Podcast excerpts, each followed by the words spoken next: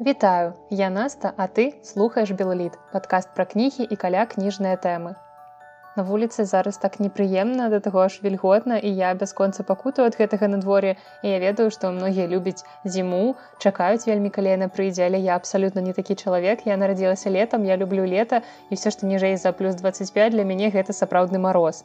І яшчэ пачалася ўся гэтая перасвяточная мітусня і літаральна на днях са мной здарылася гісторыя якая выдатна адлюстроўвае маё стаўленне да ўсяго гэтага.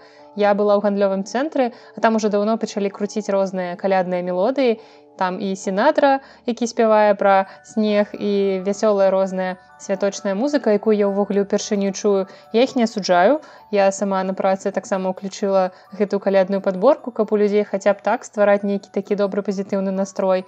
І вось я на днях была ў гандлёвым цэнтры пачула нейкую такую даволі бодрую кампазіцыю я чую там нейкія званочки як, як у пачатку гэтага подкаста я прыслухоўваюся і чую что там нешта спяваюць пра крысмас 3 ну думаю ну чарговая песня про каляды. А потым пачынаецца прыпеў і у мяне пачынае дрыгацца вока тому что у гэтай вясёлай песні каляднай я чую суесайт суесайт я подумала что ну як бы розная бывае бо часам некаторыя гурты записываюць просто для смеху калядную песню з адпаведнай музыкай і спяваюць там слава сатане і розныя такія рэчы просто смешна Я думаю што яны лічаць што гэта весела чалавек які адказвае за музыку ў гандлёвым цэнтры мог просто нейкую калядную подборку не разабраўшыся спампаваць і паставіў такую песню. Але ўсё ж таки вырашыла праверыць думаю не ну не можа такога быць я зашазаміла гэтую песню нагугліла яе тэкст і побачыла што там няма ніякага суіцыду там толькі і радасці весялосць. І тое што я пачула свой сайт гэта было ўсяго толькі фраза so excited і цяпер я не разумею мне трэба звяртацца да лора ці да псіхатэрапеўта адразу Але ж цяпер не ўсе такія грынчы як я і ў гэты перадсвяточны час людзі любяць чытаць адпаведныя кнігі. І сённяшні выпуск будзе складацца з дзвюх частак. Першая гэта класічна святочная у ёй я вам параю сапраўды добрыя светлыя кнігі пра каляды пра новы год гісторыі на любы ўзрост.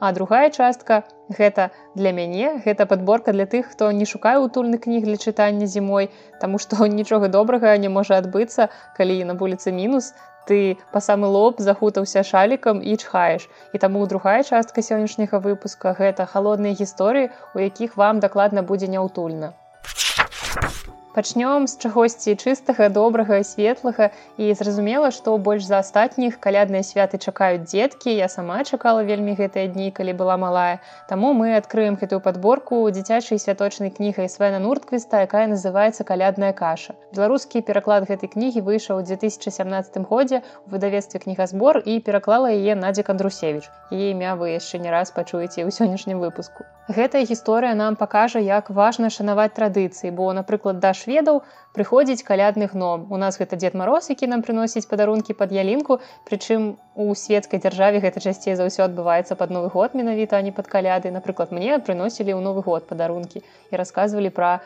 дзеда з белай барадой. Дык вось да шведаў прыходзіць калядны гном прыходзіць ён у каляды і прыносіць калядныя пачастункі. Але каб калядны гном быў добры каб яго неяк улагодзіць трэба было падрыхтаваць спецыяльныя святочныя пачастункі гэта калядная каша з маслам. Але часам бывае так што людзі ў гэтыя святочныя дні сапраўды мітусяцца забываюць пра гэтых сваіх маленькіх памочнікаў і тады ўжо можна чакаць бяды таму што гномы якія злуюцца гэта сапраўды страшная рэч Увогуле Свен Нуртквіст ён майстар не толькі ў дзіцячых нейкіх гісторыях, але ў гісторыях калядных, якія цікава будзе пачытаць і дарослым.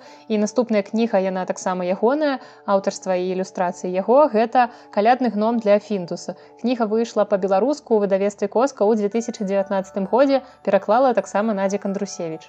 Я думаю, што мае дарослыя слухачы, асабліва ты, у якіх няма дзяцей і якія для сябе спецыяльна не чытаюць літаратуру дзіцячую, яны не ведаюць, хто такія фіндусы Пэтсон, Таму я караценька раскажу. Гэта суперпапулярныя героі шведскай літаратуры і яны вядомыя не толькі ў Швецыі, але і за мяжой, прынамсі ў Беларусі. Гэта адны з самых папулярных літаратурных персанажаў. Паводле твораў Нуртквіста ставяць спектаклі, і дзеці ў захапленні ад іх і кніжкі перакладаюцца на беларускую мову на рускую на іншыя замежныя мовы. Пэтсон гэта дзядуля які аднойчы вырашыў што неяк яму сумнавата жыць аднаму таму ён вырашыў выпадкова ўзяць сабе коціка назваў гэтага коціка фіндусам і цяпер яны жывуць разам. Прычым коцік ён такі даволі актыўны фіндус вельмі любіць вырабляць розныя штукі ён вельмі шкадлівы але дзядуля яго любіць і таму ўсё яму дарое і зразумела што разам ім жыць весялей. Свен нуртквіс напісаў ужо вялікую колькасць гісторый пра гэтых персанажаў і калядных ном для фіндуса адна з іх і ў ёй вы сустрэнецеся з ужо вядомым вам калядным гномам. Бо коцік фіндус нарэшце даведаўся што ёсць такі калядны гном загадкавы які прыносіць падарункі. Ён пачуў ад дзяцей што на каляды да іх заўжды прыходзіць гэты гном. І таксама захацеў падумаў чым ён горш ён таксама хоча падарункі на святы. І вось ён пачаў выпытваць у дзядулі пэцана ці завітае да іх калядных гном на святы. Але пэцан жа ведае што ніякіх гномаў не бывае што гэта казка для дзяцей. Але ён не хоча расстроіць свайго коціка і ён увязваецца ў такую авантуру ён плануе зрабіць механічнага каляднага гнома каб фінтус убачыў яго і паверыў што гном жывы. І ўвогуле гэта гісторыя будзе вельмі блізкай для бацькоў таму што яны заўжды думаюць як парадаваць сваіх дзяцей у святочную ноч як падарыць ім цуд і пры гэтым не раскрыць таямніцы каб дзеці напрыклад не знайшлі падарункі раней за час. І пэтсон ён як і бацькі гатовы на ўсё каб не расчараваць сваё дзіця і няхай гэта ўсяго толькі коцік Свена нуртквіста мы таксама сустрэнем і ў наступнай кнізе гэта мама мукрумкачы каляды, якую ён праілюстраваў, а напісала яе Юя Весландер, таксама шведская пісьменніца. Перавыданне гэтай кнігі ўбачыла свет сёлету выдавецтве коска зноў жа з перакладам Надзі Кандрусевіч, якая да таго ж і дырэктарка выдавецтва коска. Тут мы сустрэнем яшчэ адных неверагодна папулярных шведскіх персанажаў, кароўку маму му і крумкача. Пра іх таксама напісана мноства твораў, напісала Юя Весландер, а Свен Нуртквіст праілюстраваўся гэтай гісторыі таму ілюстрацыі будуць вельмі падобныя да фіндуса і пэцана і усе дзеці якія любяць фіндуса і пэцана яны любяць і маму му звычайна. У гэтай кнізе мама му і крумкач будуць рыхтавацца да свята рабіць і атрымліваць падарункі. І штогод у гэты час крумкач сумуе бо ён вымушаны сябе радаваць падарункамі самастойна бо на жаль ніхто іншы яго не віншуе. Але ж магчыма сёлета нешта зменіцца і ён атрымае падарункі ад кагосьці яшчэ яшчэ адна сёлетняя навінка гэта снежная сястра нарвежскай пісьменніцы мае лунда з ілюстрацыямі мастачкі лісы айсата. І гэтая кніга выглядае так шыкоўна што я думаю яна стане выдатным падарункам не толькі для дзяцей але і для дарослых а ўзроставае абмежаванне ў яе прыкладна 8 плюс я думаю так У ёй цікавае кампазіцыйнае рашэнне, бо яна мае 24 главы, каб пачалі чытаць яе першага снежня і скончылі роўненька перад раством. Гэта як такі кніжны адвент каляндар. Але я не ведаю, як тут можна вытрымаць столькі дзён, бо кніга сапраўды неверагодна цікава. Я прачытала яе літаральна там за вечар. Мне хацелася даведацца, што ж там, што гэта за таямніцы, што там будзе далей. Важна, што гэтая кніга закранае няпростую тэму, як перажыць тое, што ты страціў блізкага чалавека. І мне здаецца, мы заўжды стараемся неяк засцерагчы дзяцей ад гэтай тэмы. Да нас у кнігарню часта прыходзяць бацькі, якія калі выбіраюць кніжку, то просяць, каб там абавязкова не было ніякай смерці, каб ніхто не паміраў. Але я думаю, што гэта дарэмна, яны так дзяцей абмяжоўваюць дзеці, Гэта змогуць спакойна зразумець і мне здаецца, што часам дзеці перажываюць гэтую трагедыю нашмат лепш за дарослых і яшчэ і дапамагаюць ім выбрацца з гэтай багнай роспачы І вось менавіта так здарылася з галоўным героем кнігі старэйшая сястра якога памерла. Але набліжаюцца святы і трэба неяк жыць далей, таму ён хоча падарыць сваім бацькам калядны цуд, які яны ўжо зусім не вераць. І так маленькі хлопчык выратуе цэлую сям'ю. І гэта зусім не сумная, наадварот, яна вельмі кранальная светлая гісторыя пра страты, пра знаходкі і пра тое, як вярнуць святло ў ваше жыццё ад дзіцячых кніг мы пяройдзем да дарослых але таксама снежных. І беларуская літаратарка алена казлова якая таксама вядомая пад псеўданімам анка упала расказала пра свой вопыт жыцця ў швецыі ў кнізе на заснежаны востраў якая выйшла ў выдавестве янушкевич у 2018 годзе. І складана даволі акрэсліць жанравую прыналежнасць гэтага твора бо гэта і дзённік і нататкі падарожныя і эсэ. І алена не толькі дзеліцца асаблівасцямі побыту ў іншай краіне і апісвае сваю спробу інтэграцыі ў шведскае грамадства грамадства, але і параўноўвае гэта грамадства з беларускім, паказвае людзей іншых нацыянальнасцяў, якія яе ў гэтым свеце акружаюць і дзеліцца думкамі на розныя тэмы.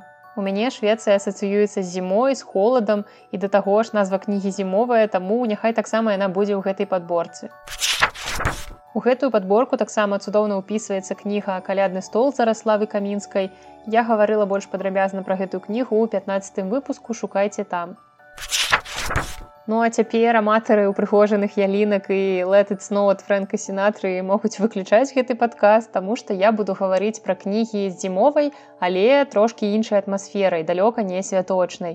І першая кніга яна пра тое, чаго беларусам заўсёды зімой не хапае, гэта снежныя буры. І тут кніга Стывена Кінга буря сталеця невялікі востраў аказваецца ў няпростым становішчы калі да іх прыходзіць жудасная снежная бура. І мне здаецца што ў беларусі я нават не асабліва памятаю такое надвор'е. Хіба што хаўер? Я памятаю гэты дзень калі я вярталася з пар дадому і мне давялося праз хаўерысці пешу таму што трамваі не хадзілі. І гэта была такая сабе прыгода для чалавека які ненавідзець зіму але ж гэты востраў паглынае снежная бура і акрамя прыродных катаклізмаў нешта незразумелае пачынае адбывацца з людзьмі. І таксама на востраве з'яўляецца нейкі дзіўны чалавек які ўсіх падпарадковвае сваёй волі. Ён забівае чалавека за чалавекам прычым яму нават не трэба да іх дакранацца ён гэта робіць сілай думкі праз іншых людзей. І ўсю кнігу нас цікавіць пытанне ці ўвогуле гэты чалавек ён можа быць нейкай містычнай сілай бо ведаючы кінка гэта можа быць што заўгодна. І чаму гэты чалавек валодае такой сілай чаго ён хоча?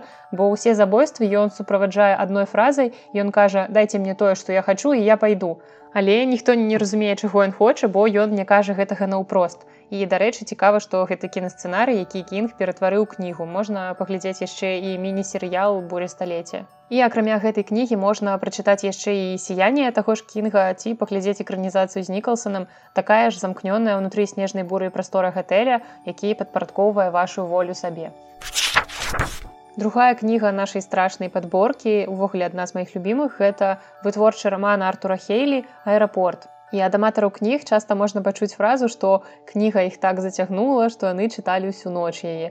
І вось менавіта аэрапорт для мяне стаў адной з такіх кніг Тут зноў снежная бура, якая паралізавала фактычна працу ўсіх аэрапортаў і многія з іх зачыніліся, не вытрымалі барацьбы гэтай са стыхіі, але аэрапорт лінкальна ён мужна змагаецца і ў гэты час пагрозы для аэрапорта лінкальна акрамя прыроднага становіцца яшчэ і чалавечы фактар, бо на порце аднаго з самалётаў з'яўляецца чалавек, які вырашыў сябе падарваць. Таксама да гэтага напружанага становішча яшчэ і дадаюцца жыхары суседняга мястэчка, якія не радыя таму, што самалёты лётаюць над іх мястэчкам і шумяць. І з гэтай кнігі мы даведаемся, наколькі аэрапорт гэта няпросты складаны механізм і як там павінна ўсё акуратна працаваць. Гэта захапляльны вытворчы раман пра некалькі гадзін з жыцця аэрапорта імя лінкальна. Трэцяя кніга таксама пра транспарт, толькі пра водны транспарт. І амерыканскі фантаст Дэн Сіменс у кнізе тэрор расказвае свой варыянт гісторыі пра лёс рэальных караблёў тэрор і эрбус, якія ў 1845 годзе пакінулі бераг Англіі і выправіліся шукаць марскі шлях па паўночным ледавітым акіяне, які злучае атлантыку з ціхім акіянам і зніклі. Пісьменнік уключыў фантазію і паспрабаваў уявіць, якім жа быў лёс гэтай экспедыцыі, якая знікла. І паводле ягонай версіі яны апынуліся ў ледзяной пасцы ў акіяне і спрабавалі змагацца не толькі з абсалютна рэальнымі пагрозамі кшталту холаду, голаду, немагчымасці выбрацца адтуль, але і з нябачнай істотай, якая і будзе ствараць містычную атмасферу кнігі імёны членаў экспедыцыі ў кнізе сапраўдныя іх узялі са спісаў членаў экіпажу. А вось падзеі якія з імі адбыліся. Гэта ўсё толькі плод фантазіі аўтара. І дарэчы у 2014-2016 годах рэшткі караблёў нарэшце былі знойдзеныя каля паўночнага ўзбярэжжа Канады. Гэтая кніга для аматараў трылераў містыкі і таксама для ўсіх хто цікавіцца міфалогіі бо ў творы вельмі цікавы міфалагічны складнік на якім і грунтуецца гэтая самая нябачная пагроза для маракоў Наступны твор караценькі, але ж ён ад беларускага аўтара і хай назва вас не радуе ён зусім не святочны. Гэта апавяданне на калядык сыну з метрака бядулі апавяданне ад якога ў мяне просто разрывалася сэрца. Бо гэта гісторыя старой жанчыны удавы сын якой даўно жыве ў горадзе ён запанеў і перад святамі яна едзе да яго бо даўно яго не бачыла яна спадзяецца што сын будзе шчаслівы ад такой сустрэчы. І што было далей я вам не раскажу. Я хочу каб вы гэта перажылі самі і няхай вам будзе так жа балюча як і мне Наступны раман напісаў папулярны сучасны аўтар дэтэктываў з францыі франк цілье. Я вельмі люблю ягоныя творы і раю ўсім, хто ўвогуле дэтэктывы любіць і дэтэктыву, якіх ёсць не толькі загадкі, расследаванні, але і ноткі трыллера. Праўда, кніга цілье, пра якую я зараз буду вам расказваць, яна зусім не дэтэктыўная. Гэта хутчэй гісторыя ў стылі цыклаў фільма піла. Я вельмі люблю горы і добра, калі ты прыязджаеш туды, а там цёпла свеціць сонца, А што рабіць, калі ты апынуўся ў ледзяной пячоры і да таго ж ты прыкаваны да скалы, як у кнізе цілье галавакружэння. Разам з табой яшчэ нейкія дзіўныя незнаёмцы і да таго ж ты былы альпініст, але нічога абсалютна не можаш зрабіць, каб з гэтых скал выбрацца. Прынамсі нічога гуманнага, але ёсць іншыя выхады. Людзі ў гэтым творы апынуліся ў пасцы, выбрацца з якой можна толькі ахвяраваўшы іншымі. І тут уздымаецца сур'ёзнае пытанне, ці можа чалавек забіць, каб выратаваць сябе ў выпадку, калі іншага выхаду ў яго няма. Франк цілье стварыў выдатную атмасферу леднікоў гор страху і цемры. І я думаю, што ўжо хопіць жахаў на гэтую падборку. Наступны твор мы можам назваць інтэлектуальным трылерам, які паказвае, як эскімосы жывуць у Даніі. Гэта роман Пітера Хёга сміла ее чувства снега. Галоўная гераіня гэтага твора сміла ясперс яна даволі незвычайная і гэта зразумела з першых старонак, бо яе развагі пра прыроду рэчаў могуць падавацца вам дзіўнымі, заблытанымі І яшчэ больш думак рознага кшталту ў яе галаву прыходзіць пасля смерці суседскага хлопчыка грэнландца, які ўпаў з даху жылога будынку. І сміла не верыць, што гэта была нейкая выпадковасць, таму яна вырашае самастойна правесці расследаванне і ўсё высветліць. І гэта інтэлектуальны трылер, але мне здаецца, што ён крыху больш незвычайны, чым тыя трылеры, якія мы прывыклі чытаць. І можа ўся справа ў той атмасферы, якую аўтар стварае, а можа ў тым што галоўная гераіня яна такая незвычайная. Бо ўсю кнігу мы знаходзімся ў галаве гэтай гераіні і глядзім на падзеі яе вачыма а асоба яна сапраўды даволі дзіўная і неардынарная. Атрымліваецца такі своеасаблівы скандынаўскі нуар. І дарэчы кніга будзе цікава яшчэ і з краязнаўчага боку бо можна паназіраць за тым як грэнландцы жывуць у даніі а таксама даведацца больш пра побыт эскімосаў Дарэчы, калі хто не ведаў, што менавіта эскімосы так называецца карэннае насельніцтва Грэнландыі. Увогуле, калі я чытала кнігу, то мне падалося, што для аўтара больш важныя адносіны датчанаў эскімосаў, чым раскрыццё загадкі смерці хлопчыка. Атмасферы кніга вельмі нагадвае тэрор Сіменса, пра які я казала раней, але крыві ў гэтай кнізе дакладна менш і можна апісаць змест кнігі пераробленым радком песні з майго дзяцінства зіма халада, кто-то выпал з акна. І ў канцы сённяшняга выпуска я звярнуся да вашых пытанняў, які атрымала праз Google форму спасылка на яе ў апісанні да выпуска. Вожык запытвае, якую кнігу можна пачытаць пяцігадоваму дзіцяці. І тут я вас адсылаю ў пачатак сённяшняй падборкі да дзіцячых калядных кніг, бо амаль усе з іх можна чытаць дзецям у гэтым узросце. І дарэчы, калі вы просіце парады кніг для сябе або для сваіх дзяцей, то давайте мне больш інфармацыі. Гэта не толькі ўзрост, пол, і таксама удакладняйце хочаце вы параду кніг па-руску ці па-беларуску каб я змагла больш грунтоўна даваць вам гэтыя парады. Бо на працы ў кнігарні я пастаянна сутыкаюся калі чалавек просіць параіць кнігу і нічога не можа сказаць ні пра то якую кнігу хоча ні пра сябе. І кажуць што-небудзь накшталт што-небудзь цікавае што вы сама любіце я ему даю кнігу якую я сама люблю ён пачынае крывіцца маўляў ён такое не чытае. Ну таму я хочу дапамагаць вам у выбары але спачатку вы мне таксама дапамажыце. а Наступнае пытанне задае сеня і ён запытвае, якія яшчэ ёсць жанчыны пісьменнікі, акрамя Алаізы Пашкевіч цёткі. І тут я скажу шчыра, вы мяне паставілі ў тупік, бо нядаўна чалавек у тэлеграме спытаў, ці ёсць недзе спіс замежных кніг па-беларуску.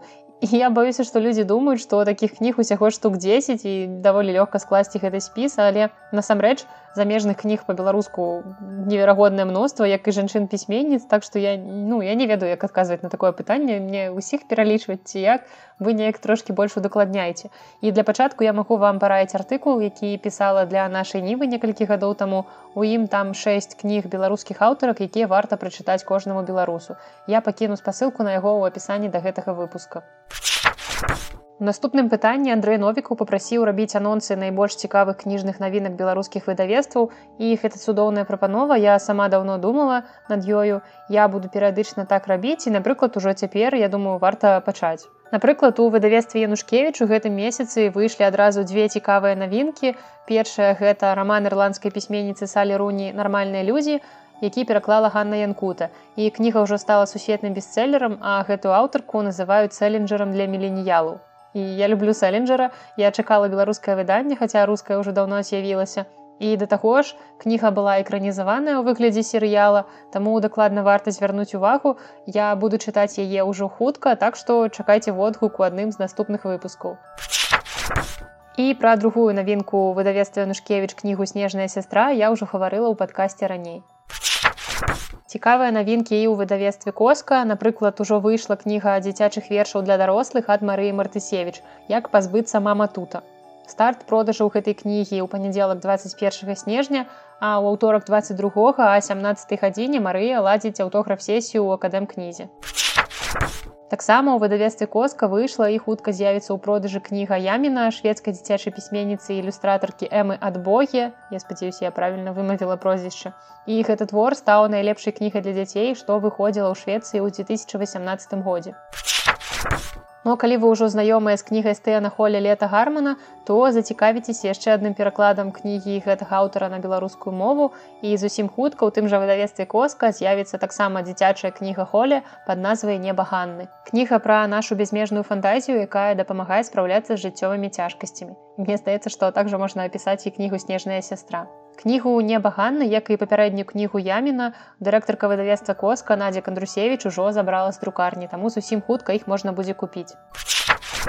А з новых кніг выдавецтва коска якія ўжо цяпер можна купіць гэта мама мукрумкачы каляды пра якую я вам ужо раней рассказывала выпуску а таксама да яе ёсць калядны сшытак мамы мой крумкача У выдавестве кнігазбор выйшла кніга да сустрэчы ў пекле рэпарцёра празайка і перакладчыка войціха пэсткі. Гэта зборнік сапраўдных гісторый людзей, якія наўрад ці маглі стаць вядомымі ў эпоху ССР, але час пакрысе здымае заслону таямнічасці і сакрэтнасці яшчэ адна кнігазбораўская кніга адкрые нам жыццё знакамітага кампазітара аўтара гімна магутны Божа і называецца кніга мікола равенскі яна ўкладзеная даследчыкам эміграцыі лявоном юрэвічу у кнізе ўспаміны сяброў і калегаў равенскага шмат унікальных фота з ягонага жыцця таксама ноты і вокладкі ягоных спеўнікаў А для дзетак выдавецтва кнігазбор прапануе працяг гісторыі пра катоў ад украінскай пісьменніцы галіны ўдвічэнкі. Раней па-беларуску выходзіла кніга 366 катоў, а цяпер з'явіўся і яе працяг 366 катоў дэтэктыву. Выдавецтва Лофінаў парадавала нас новым раманам Артура Клінова Локісу і гэту кнігу я ўжо прачытала, таму чакайце агляд у адным з наступных выпускаў. І я пакуль скажу толькі, што твор даволі смешны і даволі актуальны для беларусу. А літаральна на днях выйшла новая кніга Сергея календы акварыум таксама ў выдавестве лофінаў і гэта складзеная з фрагментаў гісторыя кахання і любові двух герояў якія не зусім рэальна і кожны па-свойму глядзіць на сваё жыццё і на сваіх жанчын. Я ўжо сама вельмі хачу яе прачытаць бо люблю творчасць календы і кніху купіла таму агляд таксама чакайце ў адным з наступных выпускаў падкаста. Яшчэ ў пачатку наступнага тыдня з'явіцца ў продажы кніга ганны янкуты марта яе мара пра снег Ганну ўжо даволі ўпэўнена можна называць дзіцячай пісьменніцай гэта яе трэцяя кніга для дзяцей яна выходзіць у выдавестве папуры з ілюстрацыямі ліліі давыдоўскай і калі вы чыталі ці хаця б бачылі папярэднія кнігі ганны пра катаж прота то творчасць гэтай мастачкі вам ужо знаёмая А ў выдавестве халіяфы адкрылі папярэдні заказ на новую кнігу беларускага пісьменніка міколы адама якая называется сёстры і на старонцы выдавецтва ў фейсбуку сцвярджаюць што калі вы любіце трылеры то гэтая кніга для вас. Я трылеры люблю і таму абавязкова звярну увагу і пакінуў апісанне да гэтага выпуска спасылку на папярэдні заказ калі вы таксама зацікавіцеся. Таксама ў галіяфах да новага года чакаецца выхад дзіцячай кнігі ольгі гапеевай адна шкарпетка і іншыя гісторыі А яшчэ ў канцы лістапада паэтка і перакладчыца Марыя Мартысевіч абвясціла пра стварэнне новай літаратурнай серыі ў выдавестве з метра коласа. Серыя гэтая называецца градус і мае гучны слоган новы канон літаратуры на беларускай мове. Першай кнігай у гэтай серыі стане зборнік эсея вершаў ігната канчэўскага адвечным шляхам. І дарэчы, падпісацца на выданне кнігі ўжо можна, а таксама пакінуць спасылку ў апісанні. І яшчэ ў планах у выдавецтва на 2021-2022 гады паэму купалы зборнік вершаў сёлетняй нобелеўскай лаўрэаткі Луізы глюк, раманы і чэха Багуміла грабала і полькі дароты маслоўскай і яшчэ мноства ўсяго цікавага. Асабіста мне ўжо вельмі падабаецца стылёвае афармленне гэтай серыі.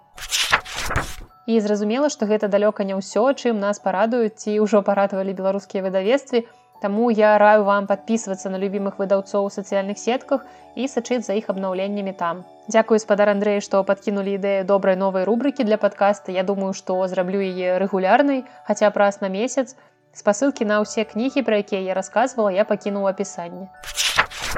І дзякую усім, хто задае пытанні, а таксама бясконца дзякую усім, хто падтрымлівае гэты падказ данатамі. Усе спасылкі ў апісанні да выпуска. Дарэчы, наступны выпуск будзе двадцатым юбілейным і ў ім я падвяду свае чытацкія вынікі года, раскажу пра найлепшыя кнігі і, магчыма, найгоршыя, якія чытала сёлета. А на гэтым я развітваюся, з вами была Наста і падкаст Белліт. Да сустрэчы.